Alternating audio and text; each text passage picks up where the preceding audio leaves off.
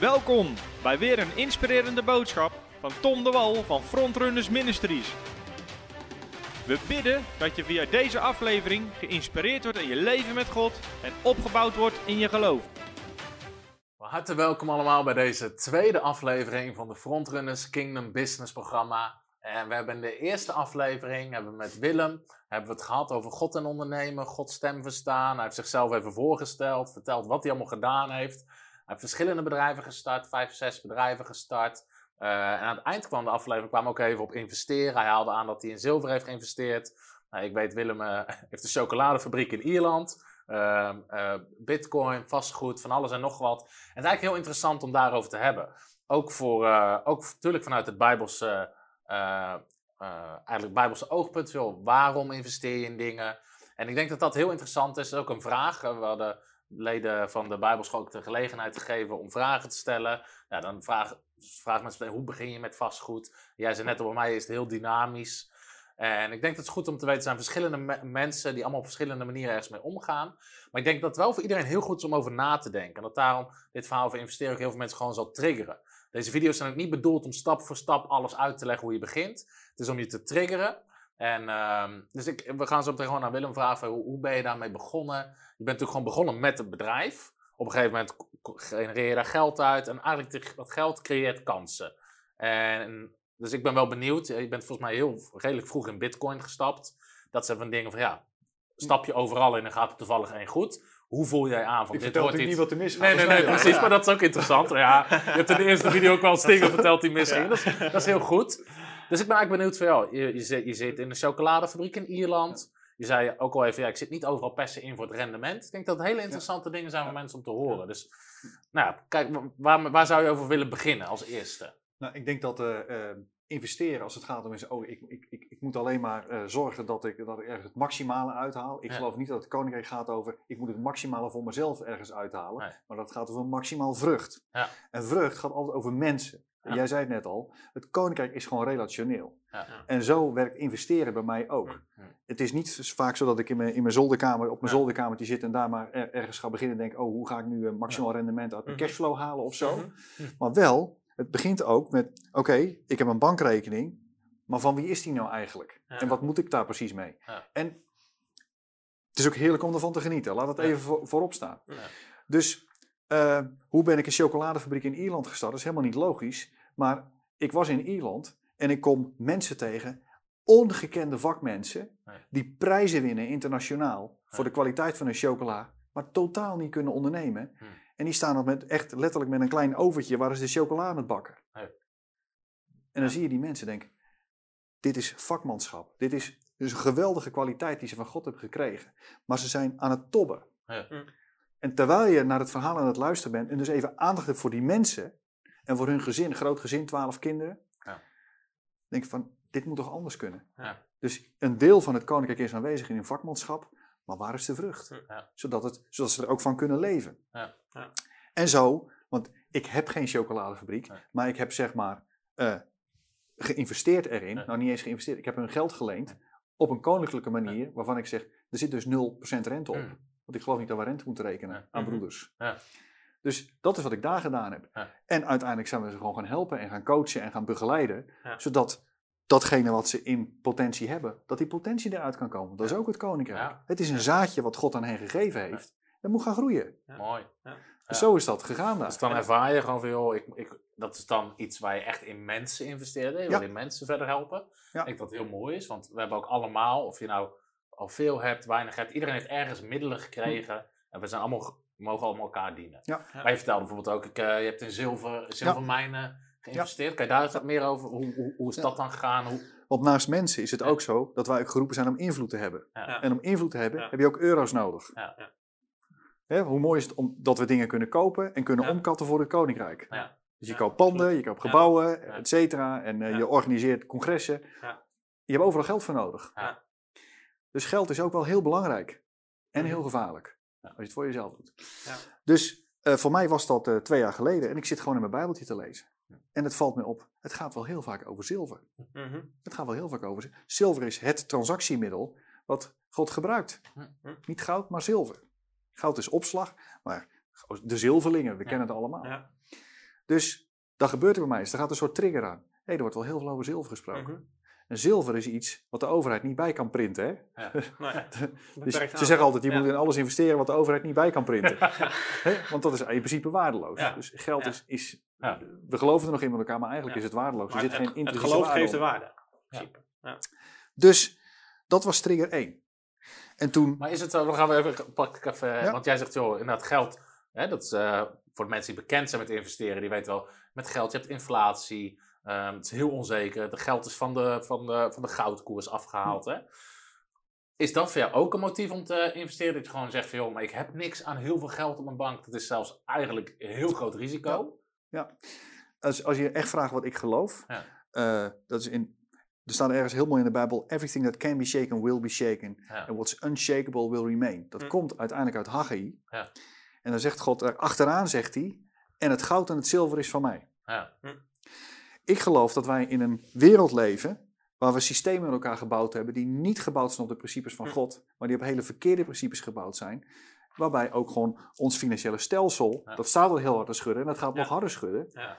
En daar gaat iets, een alternatief voorkomen. Ja. Nou, een van de middelen die God bedacht heeft, waarmee wij een goede economie kunnen bedrijven, is zilver. Dus God kijkt naar arbeid, gewoon onze menselijke arbeid, Mhm. en zilver.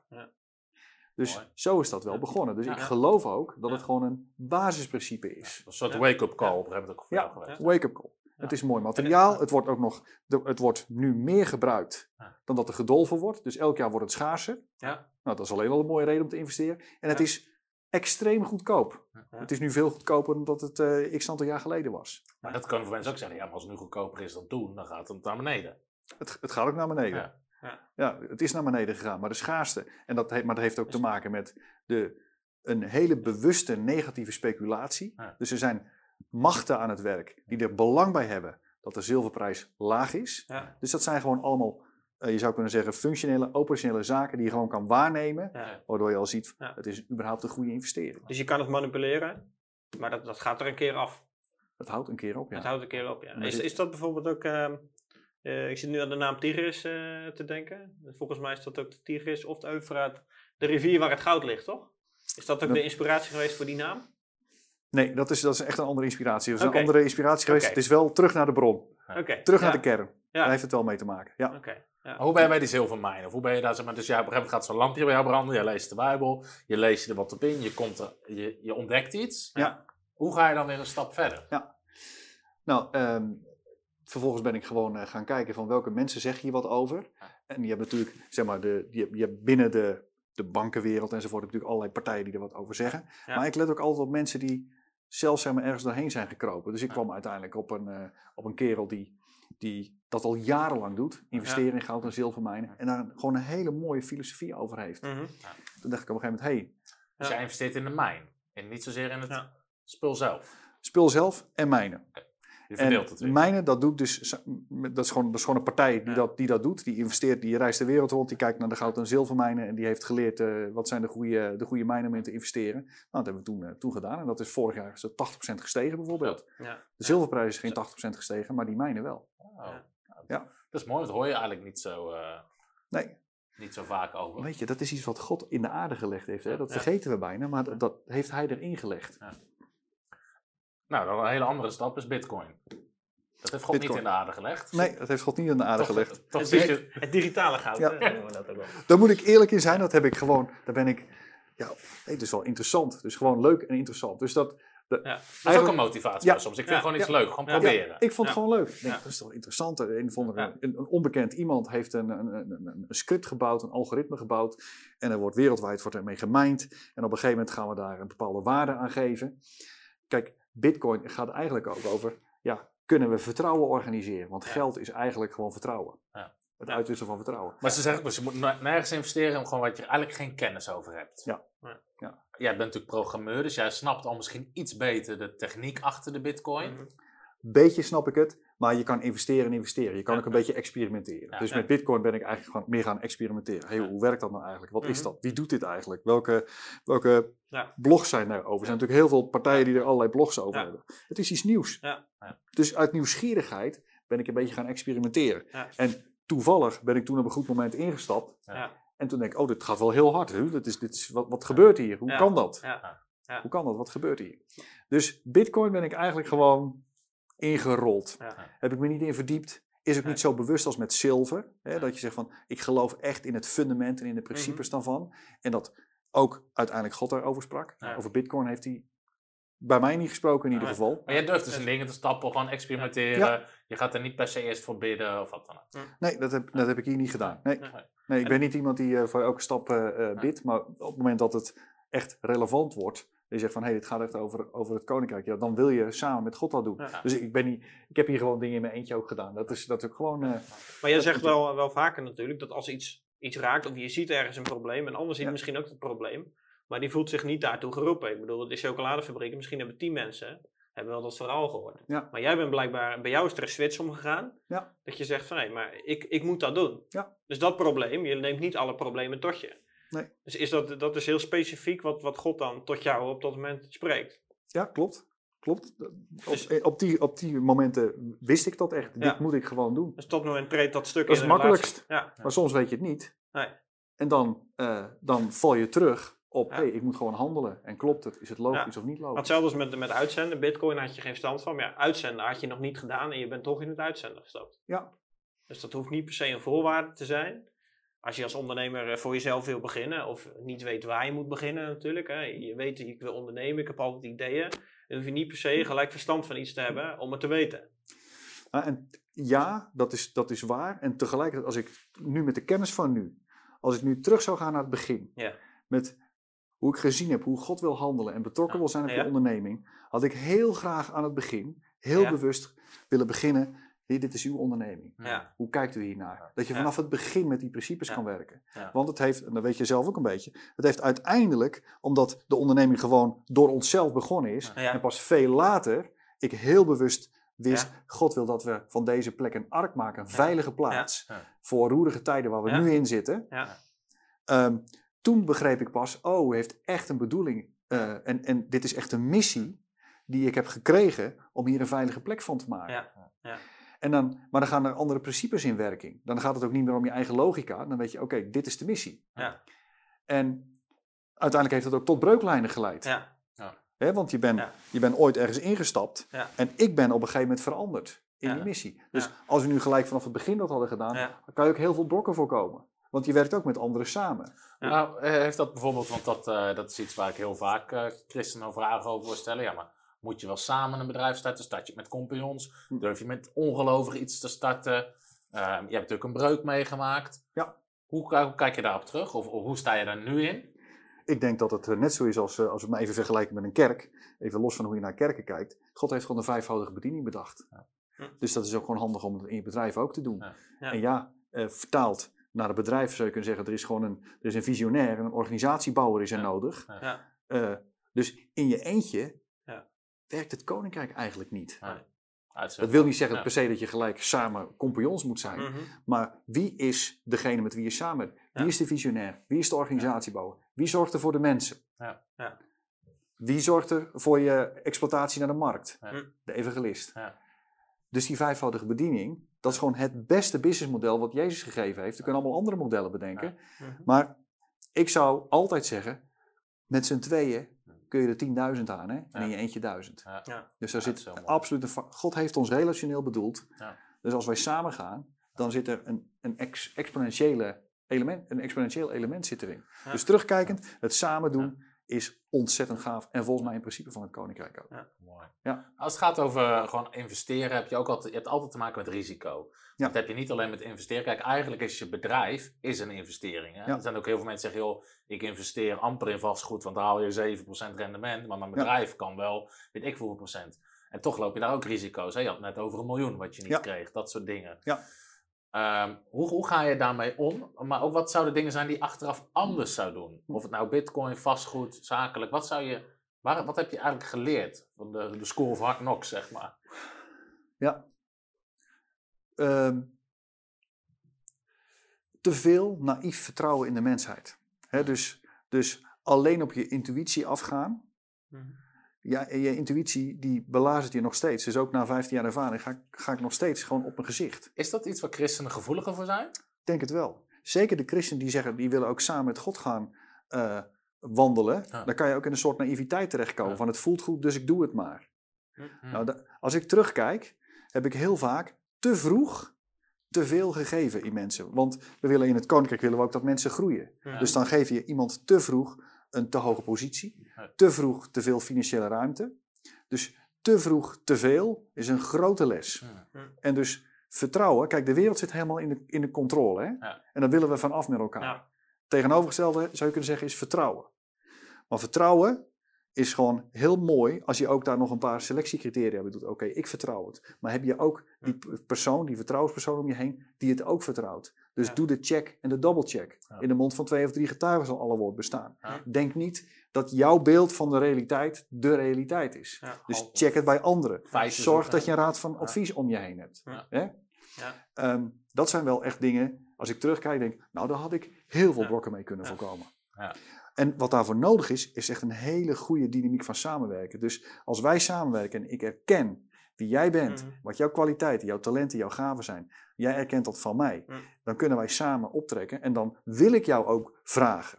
Ik wil ook vragen, Jonathan, met jouw bril als visionair, Mhm. hoe zie jij deze situatie? Ja. En omgekeerd, als jij mij vraagt, Mhm. Willem, hoe kijk jij naar deze situatie? Dan krijg je een compleet beeld. Ja. Dat is hoe God ons gemaakt heeft. Maar je schept eigenlijk twee principes, als ik het even zo, eh, zo mag vertalen. Je zegt aan de ene kant mensen te veel verantwoordelijkheid geven die eh, ergens die je vertrouwen geeft en, en Ja. geld en positie. Ja. Maar dat is een stuk discipelschap. En anderzijds met samenwerken heb je ook een stuk gelijkwaardigheid nodig als iemand bewijzen van je compagnon is of, of wat dan ook. Dus dat, Juist. dat zijn Ja. twee andere principes die je eigenlijk daarin, daarin toepast. Eh, bijvoorbeeld een zin van Chris Vallotton, die heeft mij altijd getriggerd. Die zegt, define the relationship. Dus als je nou met Hm. iemand samenwerkt, vertel nou eens wat voor relatie je hebt met elkaar. even afstemmen. Even afstemmen. Ja. Wat voor relatie hebben wij? Ja. Want soms denken mensen dat je deze relatie hebt, maar het is deze relatie. Of, je- dus dan moet je eens, eh, check dat gewoon eens. Wat zou je Christen echt heel concreet willen adviseren? Want ik zie dus hetzelfde. Ik weet, we hebben ook ondernemers gehad op de business school. Zeiden, ja, eh, God heeft echt dit gezegd. En dat bijvoorbeeld docenten van de business school, die ik wil bedrijf zeggen, maar dit is gewoon- niet wijs. moet je eigenlijk niet doen. Ja, uiteindelijk deden ze toch en ging het inderdaad mis. Hm. Omdat ze ergens een bepaald gevoel bij hebben. En het kan zelfs zo zijn dat God iets zegt, maar dat neemt niet weg dat je iets heel goed moet regelen, uitzoeken, moet indekken. Ja. Zou je daar, wat, wat voor advies zou je daar a- aan willen geven? Want natuurlijk, als je het gaat over Gods stem verstaan en gehoorzaamheid, Ja. dat gaat dus direct naast dingen goed uitzoeken, maar toch weer durven. Dat is best wel Ja. echt iets wat je leert, denk ik ook. Maar, Nou, het is ook, eh, zeker als je bijvoorbeeld aan het begin staat van ondernemen, is het zo essentieel dat je echt weet wie jij bent. Dus wat is, dus zorg gewoon dat je de goede assessments gedaan hebt. Ja. Dus weet wie je bent. Hm. Wat is jouw bril? Als jij een evangelist bent, dan is dat belangrijk dat je dat weet, wat je wel bent, maar ook wat je niet bent. Ja. Dus weet waar je blinde vlekken zitten. Ja. Er zijn gewoon middelen en testen voor. Prachtige mooie tools zijn ervoor. Ja. Dus dat voorkomt dat je in zoveel valkuilen stapt. Want als je nou weet wat jouw blinde vlek is, zorg dan dat je iemand hebt waar dat juist een sterke kant van is. Dus dat hele idee van, oh, God zegt iets tegen mij en dan ga ik in mijn eentje maar rennen. Nee, jij hebt ook je eigen filter. Dus God kan wel iets gezegd hebben, maar misschien zit je eigen interpretatie erop. En dan moeten we het eens goed over hebben of die interpretatie wel Hm. klopt. dat is ook echt een stukje nederigheid. Absoluut. We hebben elkaar heel hard nodig. Ja. Ja, dus dat is echt een hele belangrijke. En investeer je daar ook in, in je eigen personeel? Dus, dus wat je zegt over testen, assessments, Ja. Eh, Ja. stukken leren, opleiden van, van mensen. Nou, dus, dat is een, de, de, we zijn daar toevallig nu weer actief mee begonnen. Dus om echt eh, ervoor te zorgen, dat is dan een hele mooie test die eigenlijk gebouwd is op de vijfvoudige bediening. Mhm. Dus dat is gewoon een mooie openbaring van God. Ja. Dus dat mensen weten, waar sta ik? Ja. Wat is mijn blik? Het heet geen vijfvoudige... Onze mensen weten niet eens dat ze met de vijfvoudige bediening bezig zijn. Misschien als ze deze film kijken, dat ze dat Ja. weten. Ja. Maar dus dat mensen dat weten, dat is één. Ja. En twee, discipelschap. Ja. Hoeveel mensen kan je nu echt actief discipelen? Dat is maar beperkt. Ja. Ik kan maar maximaal zeg maar zes, zeven, acht Ja. mensen actief mee optrekken. Maar diegenen moeten ook weer leren om anderen te discipelen. Ja. Dat is natuurlijk de aller, allerbeste leerschool. Het oude meester-gezel-principe. Wat, Ja. wat in de schilderswereld nog steeds is. Dat is een heel mooi principe. Ja. Dus als je iets gaat doen, eh, wie neem je mee? Ja. Dan moet je gelijk mee beginnen. Dus de jongere generatie. En wie volg je? Weet dat gewoon. Raadgevers. Ja. Ja. Wie zijn je raadgevers? En zorg dat je onderdeel bent van een team van mensen waar je, waar je, waar je zegt: Ik voel me echt vrij om hier alles te delen. En daar zit wel de armoede ook in dit land, hè? Hmm. Nog steeds. Dus dat de on- heel veel ondernemers zijn in principe, staan ze in er eentje in de arena. We maakten net al een geintje over van, de meeste ondernemers weten ook niet dat ze op missie zijn. Ja. Die zijn ze zijn eigenlijk zending aan het bedrijven Mhm. in een postmoderne wereld om het Ja. koninkrijk van God te vestigen. Ja. Kan je niet in je eentje. Nee. Daar heb je support voor nodig. Daar heb je mensen voor nodig die voor je bidden. Daar heb je de profeten voor nodig die bij je bedrijf komen. Mhm. Daar heb je mensen nodig die verstand hebben van de organisatie. En je moet terug kunnen vallen als je het even niet ziet zitten. Dus daar, daar is gewoon het lichaam van Christus omheen Ja. nodig. Ja. Ga gewoon niet in je eentje lopen experimenteren. Vanuit jouw oorsprong, hè? want jij bent ook eh daarnaar gaan, eh, gaan zoeken, zeg maar. Ja. Van, het was er ook niet eh 15 jaar geleden toen jij eh, eh, begon. Nee. Eh, hoe heb jij dat, dat voor elkaar gekregen dan om, om dat wel meer te gaan, eh, gaan zoeken of, of, of te creëren? Want dat was een probleem. Nou weet je, je moet soms de goede vragen stellen. Zoals Ja. jullie nu in het interview doen. Dus op het moment dat je ziet dat dit een probleem is. Ja. Dat ik me realiseer, hé, hey, ik heb gewoon volwassen mannen en vrouwen die vol zijn van Ja. de geest om me heen nodig. Ja, Dan ga je het vragen. Ja. En dan krijg je het. ja exact. Want het is er. Heel mooi. Is dan beschikbaar. En qua, qua investeren, waar ik ook wel benieuwd naar ben. hè, In, ehm, want je, je zei in de eerste uitzending iets over geld mag nooit je veiligheid vormen. Dat is toch een valkuil voor ons allemaal. We denken, nou, je hebt tegenwoordig iets waar je heel veel over hoort. Dus iedereen wil passief inkomen. Ander woord, ik hoef niks meer te doen. Ik heb ook geen risico, maar ik krijg wel iedere, iedere, iedere maand geld. Ja. Ook een soort leugen wat, ge- wat gecreëerd wordt. Ten eerste heb je altijd risico. Ja. Ehm, maar het kan ook een hele valse veiligheid, schijnveiligheid zijn waar mensen op bouwen. Eh, tegelijkertijd, jij eh, doet ook wat met vastgoed, maar wat, wat zou je daarover kunnen zeggen? Nou, het koninkrijk van God, dan ga ik misschien niet zeggen wat al die mensen niet leuk vinden. Ja. Passief inkomen is volgens mij niet het principe van inkomen in het koninkrijk van God. God relateert inkomen aan één belangrijk ding: dat is arbeid. Ja. Onze tijd. Ja. Onze tijd. Wij zijn een afspiegeling van Hem. Onze tijd die wij ergens investeren, dat is de echte waarde en de basis van het economische verkeer. Heel Hm. mooi. Ja, dat is eigenlijk ook mooi, want in Hebreeuws is werken en aanbidden is hetzelfde. Ja.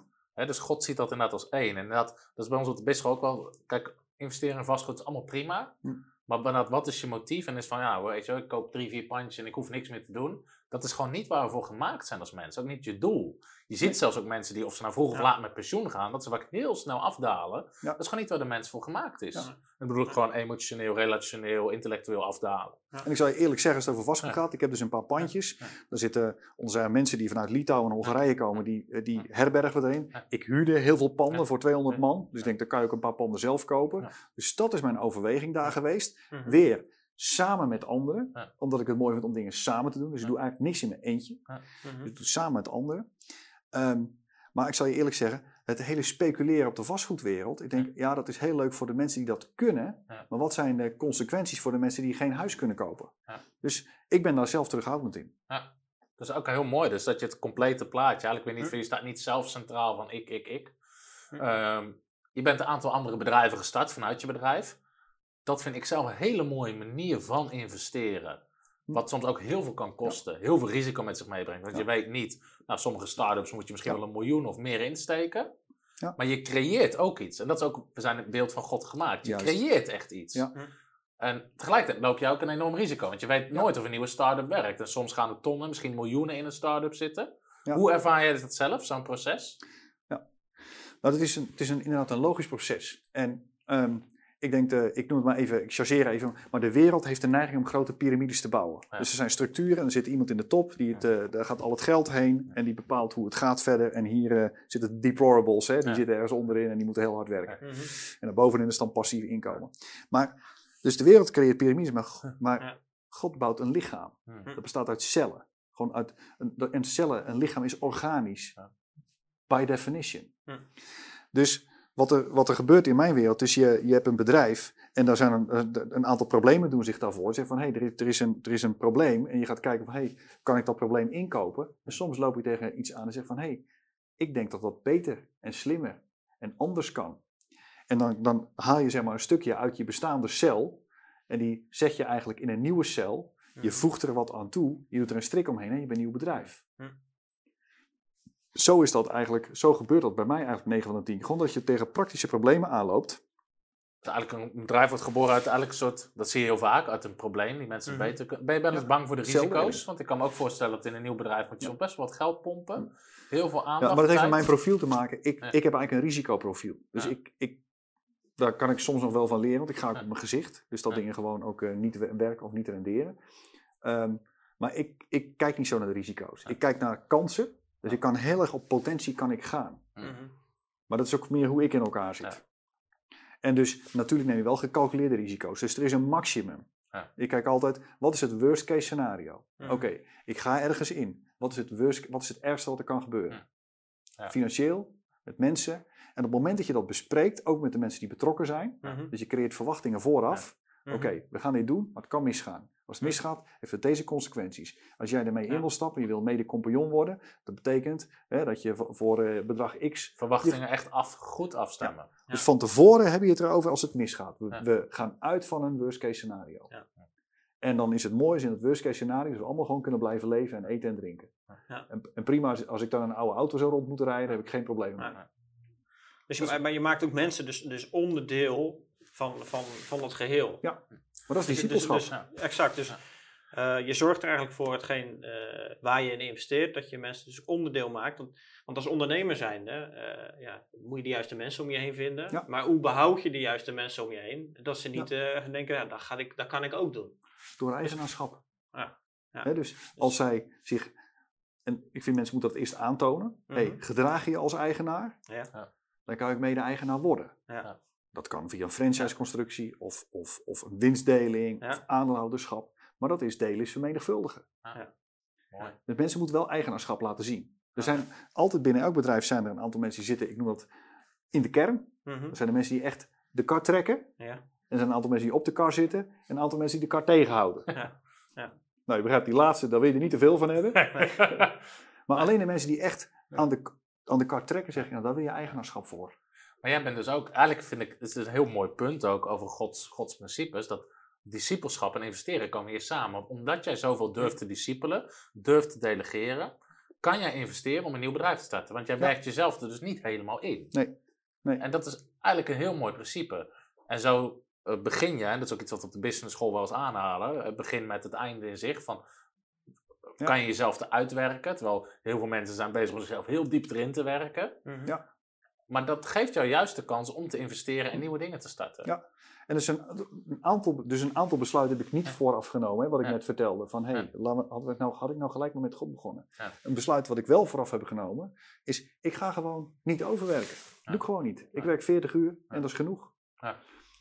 En dat heb ik altijd kunnen doen, omdat je van tevoren een besluit neemt. Dus het is heel erg belangrijk om zo snel mogelijk en zo vroeg mogelijk in de fase van je onderneming een aantal besluiten te nemen. Want daarmee die zet je ook vast. Ja. Dus wat is echt belangrijk voor je? Die kernwaarden van COVID. Hè? Ja. Dus Ja. als je die goed weet Ja. en je koppelt daar gedrag aan, Ja. waar je op aanspreekbaar wil zijn, waar mensen je op aan mogen spreken, Ja. is dat een enorme winst. Ja. Dus voor mij, het grote risico van ondernemen is toch, ja, je hebt het druk. Ja. Mensen zeggen ook vaak tegen mij, je zal het wel heel druk hebben. Ja. Ja. ik werk overdag. Dat klopt. ja. Maar zo, zo hou je wel je privé- en werkbalans dus enorm eh, Ja. in de tang eigenlijk. Ja. Dus van tevoren. Maar neem je je werk dan ook niet mee naar huis? Bijvoorbeeld, dat je als je 40 uur en je weet dat er nog eigenlijk 20 uur nog, eh, nog te vullen valt. Hoe, hoe zit je daar in elkaar? Voor mij, ik ben nu dus mijn huis aan het verbouwen. Ja. Daar word ik s'nachts dus van wakker. Denk, oh, die plint die moet ik nog doen. Ja. Maar dat heb ik eigenlijk met, dat, met dit werk heb ik dat niet. Ja. Ik denk dat het ermee te maken heeft dat ik daar op mijn plek zit. En je moet ook weten of dat je daarvoor geroepen bent. Ben je ook wel ondernemer? Ja. Maar hoe stuur je al die bedrijven bijvoorbeeld, eh, bijvoorbeeld aan? Dat is heel praktisch. Ook, ehm, ben je één dag bij één bedrijf? Of, of is dat gewoon, al loopt alles door elkaar? Hoe geef je dat vorm? Ritme is heel belangrijk. Dus eh, het is heel belangrijk om ook weer in de verwachtingen. Dus de mensen in alle bedrijven die weten, hey, op, eh, of op vrijdagmiddag hebben wij standaard een borrel, of op maandagochtend hebben wij elke week hebben we overleg, en één keer per kwartaal hebben we een kwartaaloverleg. Dus er is een structuur waardoor je altijd weet, er is altijd een contactmoment wat vaststaat. Dat is een soort heilig moment. Daar moet je niet aankomen. Ja. Moet je niet aan tornen. Want die regelmaat is belangrijk. eh, omdat dingen ook anders te lang een eigen leven kunnen gaan leiden. Dus dat is het moment waarop je bij elkaar bent. Waar iedereen weet, dat is het moment waarop dingen op tafel moeten komen. Mhm. Dus heel belangrijk om er goed effectief te vergaderen. Ja. Dat je weet, dit is het moment waarop het moet gebeuren. Dit is het moment waarop al die verschillende lijntjes bij elkaar moeten komen. Mhm. Dat is de basis. Dat is één. Daarnaast is het, daar kun je natuurlijk signaleren als je wakker bent van hoe zitten mensen in de, in de wedstrijd. om individueel Mhm. eventueel een opvolging te doen. Dus als er een probleem ergens zich voordoet, wil ik dat mensen weten, ik ben beschikbaar. Als het lastig wordt. Dan moet je mij niet uit de wind houden. Want mensen hebben dan wel eens de neiging, ja nee, dat wil ik dan zelf oplossen om te laten zien dat ik het zelf kan oplossen. En ik hoor mezelf heel vaak zeggen, nee als het lastig wordt, dan moet je mij daar neerzetten. Mensen moeten weten, als het lastig wordt en ik val om, val ik dan ergens tegenaan. Ja. Dus, maar het ritme is heel belangrijk. En soms is dat wekelijk, wekelijks nodig. Hè, bijvoorbeeld bij, eh, bij die, de laatste start-up bij, bij Tigris. Elke week op maandagochtend om 9 uur, tien over negen eerlijk gezegd, dan beginnen we. Maar als je een start-up begint, begin je dan zelf ook meteen hup, 40 uur erin om mee op te opbouwen? Of bouw je dat vanaf het begin om anderen heen? Eh, ik moet wel weten wat de goede ingrediënten er zijn. Ja. Dus de, de mensen. Dus je hebt wel de, de mensen nodig. Dus je hebt een operationeel sterk iemand nodig. Je hebt natuurlijk expertise nodig. Dus dat, daar begin je wel mee. Ja. Eh, maar dan in het begin, dan steek ik daar wel heel veel tijd en energie in. Ja. omdat ik weet dat alle keuzes die je aan het begin maakt, die bepalen de richting. Ja. En het is heel belangrijk dat we weten waaraan zijn we aan het bouwen. Ja. En omdat alles nog open ligt, kan dat echt alle kanten op gaan. Ja. En kunnen mensen ook zeker die gewoon in de operatie Ja. vast komen te zitten, die verliezen het zicht op waar je naartoe gaat. Ja. Ja, dus dat, inderdaad, dan, eh, dan zit ik er echt bovenop. Ja. Dan ben ik opeens ook van de kleinste details. Ja. Dan gaat heel vaak het whiteboard gaat erbij en dan gaan we tekenen. Ja. Ja. Wat gebeurt hier? En waarom is dat zo? En heel goed doorvragen. Ja. Dus, want als je mensen goed gaat bevragen, Ja. dan gaat iedereen ook meedenken. Daarmee kan je ook een cultuur creëren. Ja. En de richting, eh, de richting vasthouden. Gaaf. Ja. Mooi. Dus eigenlijk is investeren, dat is eigenlijk ook heel mooi. We hebben het over natuurlijk investeren gewoon voor rendement of investeren in mensen, maar ook investeren in je gezin. Dus omdat je een bepaalde Mhm. keuze maakt, kan je investeren in je gezin, waardoor het stabiel is. Ja. Ja. Ehm, eigenlijk is het heel mooi om te zien dat, vaak, zeker als het gaat om investeren, denk ik maar ook rendement voor mezelf. Maar eigenlijk zie je, Hm. het godsmodel is investeren. Maar dit is zoveel breder dan gewoon even rendement ergens uit een vastgoedpandje halen. Maar je hebt ook zelfs de wereld begint dat door te krijgen. Ja. Die hebben het over people, planet, profit, purpose. Ja. Dus die voelen wel van, ja, geld alleen, Ja. dat, dat voldoet gewoon niet. Ja. Nee. Dat is eigenlijk geen rendement. Dus wat is eigenlijk jouw diepste drijfveer bijvoorbeeld om weer een bedrijf te starten? Want je zou kunnen zeggen, nou, ik bouw één, twee, ik heb al drie bedrijven, ik heb al vier bedrijven, Hm. daar bouw ik gewoon het koninkrijk mee, daar pak ik mijn rendement mee. Het is ook, eh, ehm, hè, als ik even een, een voorbeeld pak, dus we hebben een administratiekantoor en dat, eh, dat draait nu hartstikke goed. Dus we hebben echt eh, een, een, een grote klantbase, 150, 200 eh, klanten. Eigenlijk is het heel rustig daar. Ja. Dus dat is nou echt, je zou kunnen zeggen, daar kan je een strikje omheen doen, dat is echt perfect. Zou ik geld zeggen, verdienen- verkoop het weer? Ja, je zou kunnen zeggen, goed. ja, maar ja, ik wil, ik- dat wil ik eigenlijk niet verkopen. Want verkopen, dat komt ook eigenlijk gewoon door omstandigheden. En dan zie je een paar hele mooie mensen die daar werken. En denk, oké, daar kunnen we naar de volgende stap. En dan kom je op een gegeven moment iemand tegen. Oké, dus we, gaan, we kunnen organisatieadvies gaan doen met deze, met deze tent. Dus dan ga je een aantal partijen bij elkaar brengen. En dan kun je zo'n organisatie naar de volgende stap helpen. Dat is geen nieuw bedrijf. Maar dan voel je, er is rust. Maar er kan Ja. een nieuw bedrijf uit voortkomen. want Er dat kan een vind- nieuw bedrijf uit voortkomen. mooi. Jij ziet er heel goed, ja. Ja, dat maar klopt. hoe jij bedrijven bouwt. Je hebt een bedrijf die faciliteert iets. Je komt achter in dit stukje, zijn we eigenlijk wel heel erg goed. Dat is die Ja. cel, die pak je eruit. Op een Ja. gegeven moment zeg je, nou, dit wordt een nieuw bedrijf en dat laat je weer groeien. Ja. Ik denk dat dat een heel mooi... Alles zit nog aan elkaar gelinkt. Ja. Alles is aan elkaar organisch. verbonden. Ja, het is Zo groeien organisch. als mens ook, hè? Ja. Dus eigenlijk is het heel mooi, want vaak krijg je ook vragen van ondernemers: waarin moet ik een nieuw bedrijf starten? Of ik wil meerdere bedrijven. Maar eigenlijk is het gewoon iets wat inderdaad organisch, wat gewoon voortkomt uit wie je bent en wat je Als dat de hebt. vraag is, dan moet je gewoon kijken, wat zie je nu? Als je Ja. nu kijkt in jouw huidige bedrijf, wat zie je eigenlijk? Ja. Ja. En waarom wil, je, waarom wil je überhaupt een nieuw bedrijf starten? Klopt dit bedrijf wel? Want als dit bedrijf klopt, dan groeit het. En als we groeien, dan gaan we cellen delen. Maar als je, ik zeg ook wel eens, als het over celdeling gaat, misschien wat filosofisch, maar eh, als je cellen te vroeg deelt, dat heet kanker. Hm. Hè? Hm, Onvolwassen cellen, die, die gaan allemaal Ja. vermenigvuldigen. Dus Ja. je moet een, alleen een volwassen cel moet je delen. Wauw, heel Mm. mooi. Ja. Ja. Ja. Dat is een heel mooi principe voor mensen die meerdere bedrijven willen starten. Plus, als je één bedrijf. Met het eerste bedrijf leer je het meeste, even om het zo maar te zeggen. hè. Je. Ik Ja. kom ook mensen tegen die zeggen: maar ik heb de visie om acht bedrijven te starten, die hebben nog niks. Of die moeten nog iets gaan starten. Ja. Terwijl dan is ook de valk dat je er veel te vroeg instapt. In plaats van dat doe eerst iets waar je op een gegeven moment een strikje omheen kan doen. Ja. En dan kan je na gaan denken, of dan, dan, dan ontstaat eigenlijk gewoon het volgende. En weet je, nog een heel belangrijk principe wat nu in mijn gedachten schiet. Wij hebben het daar ook al eens eerder over gehad. Ik zeg altijd, de wereld wordt geregeerd door dingen die we niet zeggen. Hm. En zeker voor christenen kan dat een valko zijn. We willen aardig zijn voor elkaar, we willen een cultuur van eer hebben en al, allemaal prachtige principes. Mhm. Maar het punt is, In het koninkrijk van God weten we, de waarheid maakt vrij. Ja. Dus we moeten leren om de waarheid in liefde Ja. Te zeggen. We Mhm. moeten een aanspreekcultuur creëren. Als ik een gevoeletje ergens bij heb, al is het nog maar, je zou kunnen in de embryonale fase. Ik weet eigenlijk nog niet wat er aan de hand is, maar er is iets. Verkeerde Dan- celdeling eigenlijk.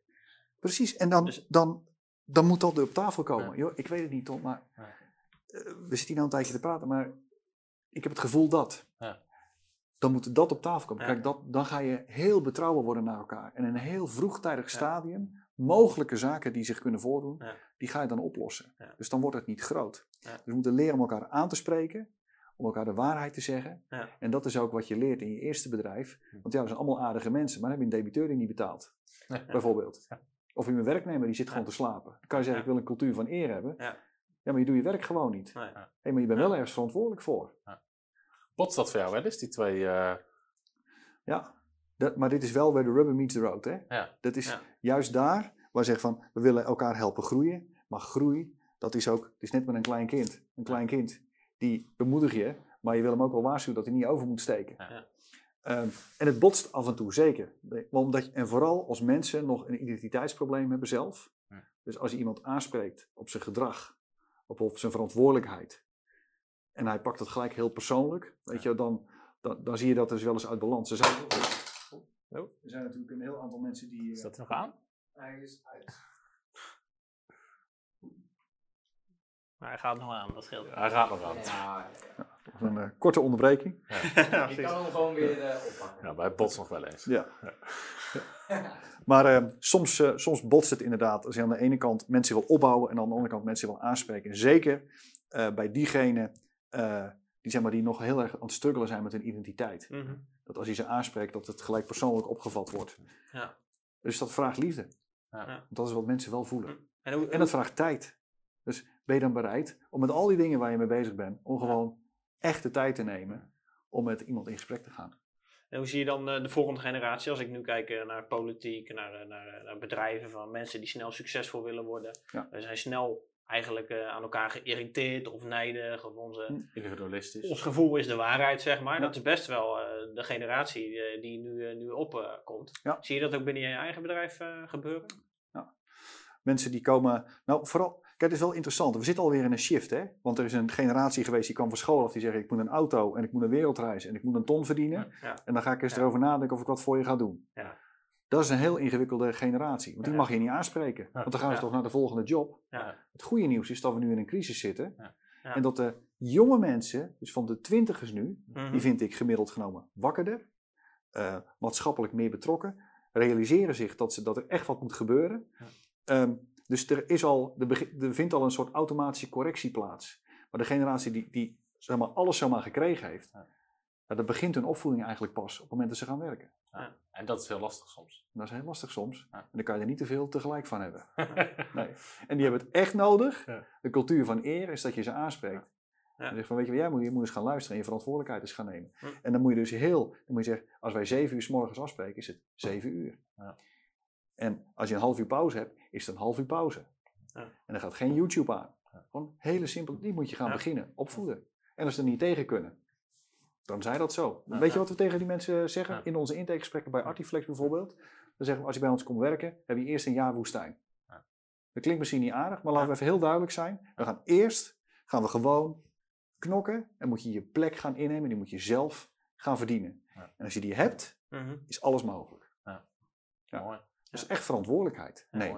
En, en zie je dan ook nou, bijvoorbeeld na zo'n jaar, hoe eh, gaan mensen, veren ze dan op? Want, Ja, ook niet iedereen natuurlijk. Nee. Maar dan voelen Dus- mensen wel van, hé, hey, oké, ik kan, ik kan Ja. dichter bij de kern komen. Ja. En eh, hey, of ik ga franchisen, of ik word specialist. Of, Ja. Dan zijn er mogelijkheden. Mooi. Net daarna hoe je in elkaar zit. ja, exact. Schitterend. Ze genieten eigenlijk de, ja, de laatste deel van de, op- van, van de opvoeding, genieten ze eigenlijk nu eh, tegenwoordig bij, bij bedrijven of opleidingen, als je dat zo... eh, zo Ja, en we willen natuurlijk allemaal een soort McDonald's-wereld creëren. Van, eh, oh, je komt binnen en je hebt gelijk zeven bedrijven. En eh, Ja. met passief inkomen ben je... eh, Ja. Dat kunnen we helemaal niet tegen. Daar zijn we helemaal niet voor gemaakt. Ah, mooi. schitterend. Ik denk Ja. dat dit ook een mooie afsluiting is voor het tweede interview. Ik vind het eigenlijk heel mooi dat inderdaad, we begonnen over investeren naar aanleiding van, eh, van even je opmerking in het laatste interview over zilver. Maar ik denk dat dit gewoon heel mooi was om te zien veel investeren gaat zoveel verder dan Ja. ik koop een pandje en ik heb passief dit in de maand. Of, of, het is allemaal goed, het hoort er allemaal bij. Maar investeren in mensen, waarom investeer je? Wat zijn je drijfveren? Besef de belangen die je hebt als christen. Hoe wil je God dan vertegenwoordigen? Dus eh, Willem, hartstikke bedankt voor alles, eh, alles wat je hebt gedeeld hierin. En we gaan, eh, we gaan nog één aflevering opnemen met Willem. Om nog eens wat dieper te vragen over hoe ervaart hij God? Wat is zijn reis erin geweest? Eh, nog wat meer voorbeeld van hoe versta ik nou Gods stem in business? Die cultuur waar je het over hebt, waar we eigenlijk nu zijn geëindigd. Van, om dat door te bouwen in je bedrijf. Dus daar gaan we nog één aflevering over opnemen. Ik hoop dat je hiervan genoten hebt. Wil je veel meer weten over God, ondernemen de maatschappij? Kan je de Frontrunners Kingdom Business School volgen. Maar eh, via deze video's willen we in ieder geval heel veel waarde en heel veel wijsheid en heel veel informatie geven. God zegen en tot de volgende video. Hallo, Tom de Wol hier en bedankt dat je weer geluisterd hebt naar onze podcast. Ik bid dat het je geloof gebouwd heeft en je bemoedigd bent. Als je niet alleen een luisteraar van onze boodschap wil zijn, maar ook een verspreider daarvan, wil ik je uitnodigen om partner te worden van Frontrunners. Door jouw maandelijkse donatie help je ons om dit evangelie van Jezus Christus en het woord van God over heel de aarde te brengen. Om partner te worden, ga naar www.frontrunnersministries.nl slash partners en word partner. Hartelijk bedankt en tot snel. Heb je ook zo genoten van deze inspirerende boodschap van Tom de Wal? Abonneer je dan op deze podcast. Volg ons op Facebook en op Instagram en kijk op onze website frontrunnersministries.nl.